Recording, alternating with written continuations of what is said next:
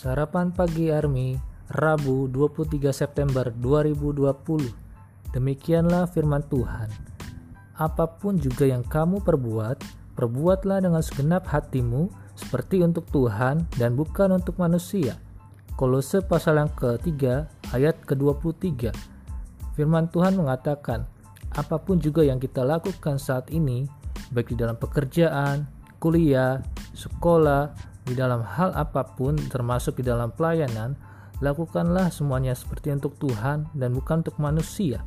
Jika kita melakukannya dengan setia, maka apa pun juga yang kita lakukan dan kita perbuat dibuat Tuhan berhasil dan beruntung. Tuhan Yesus memberkati.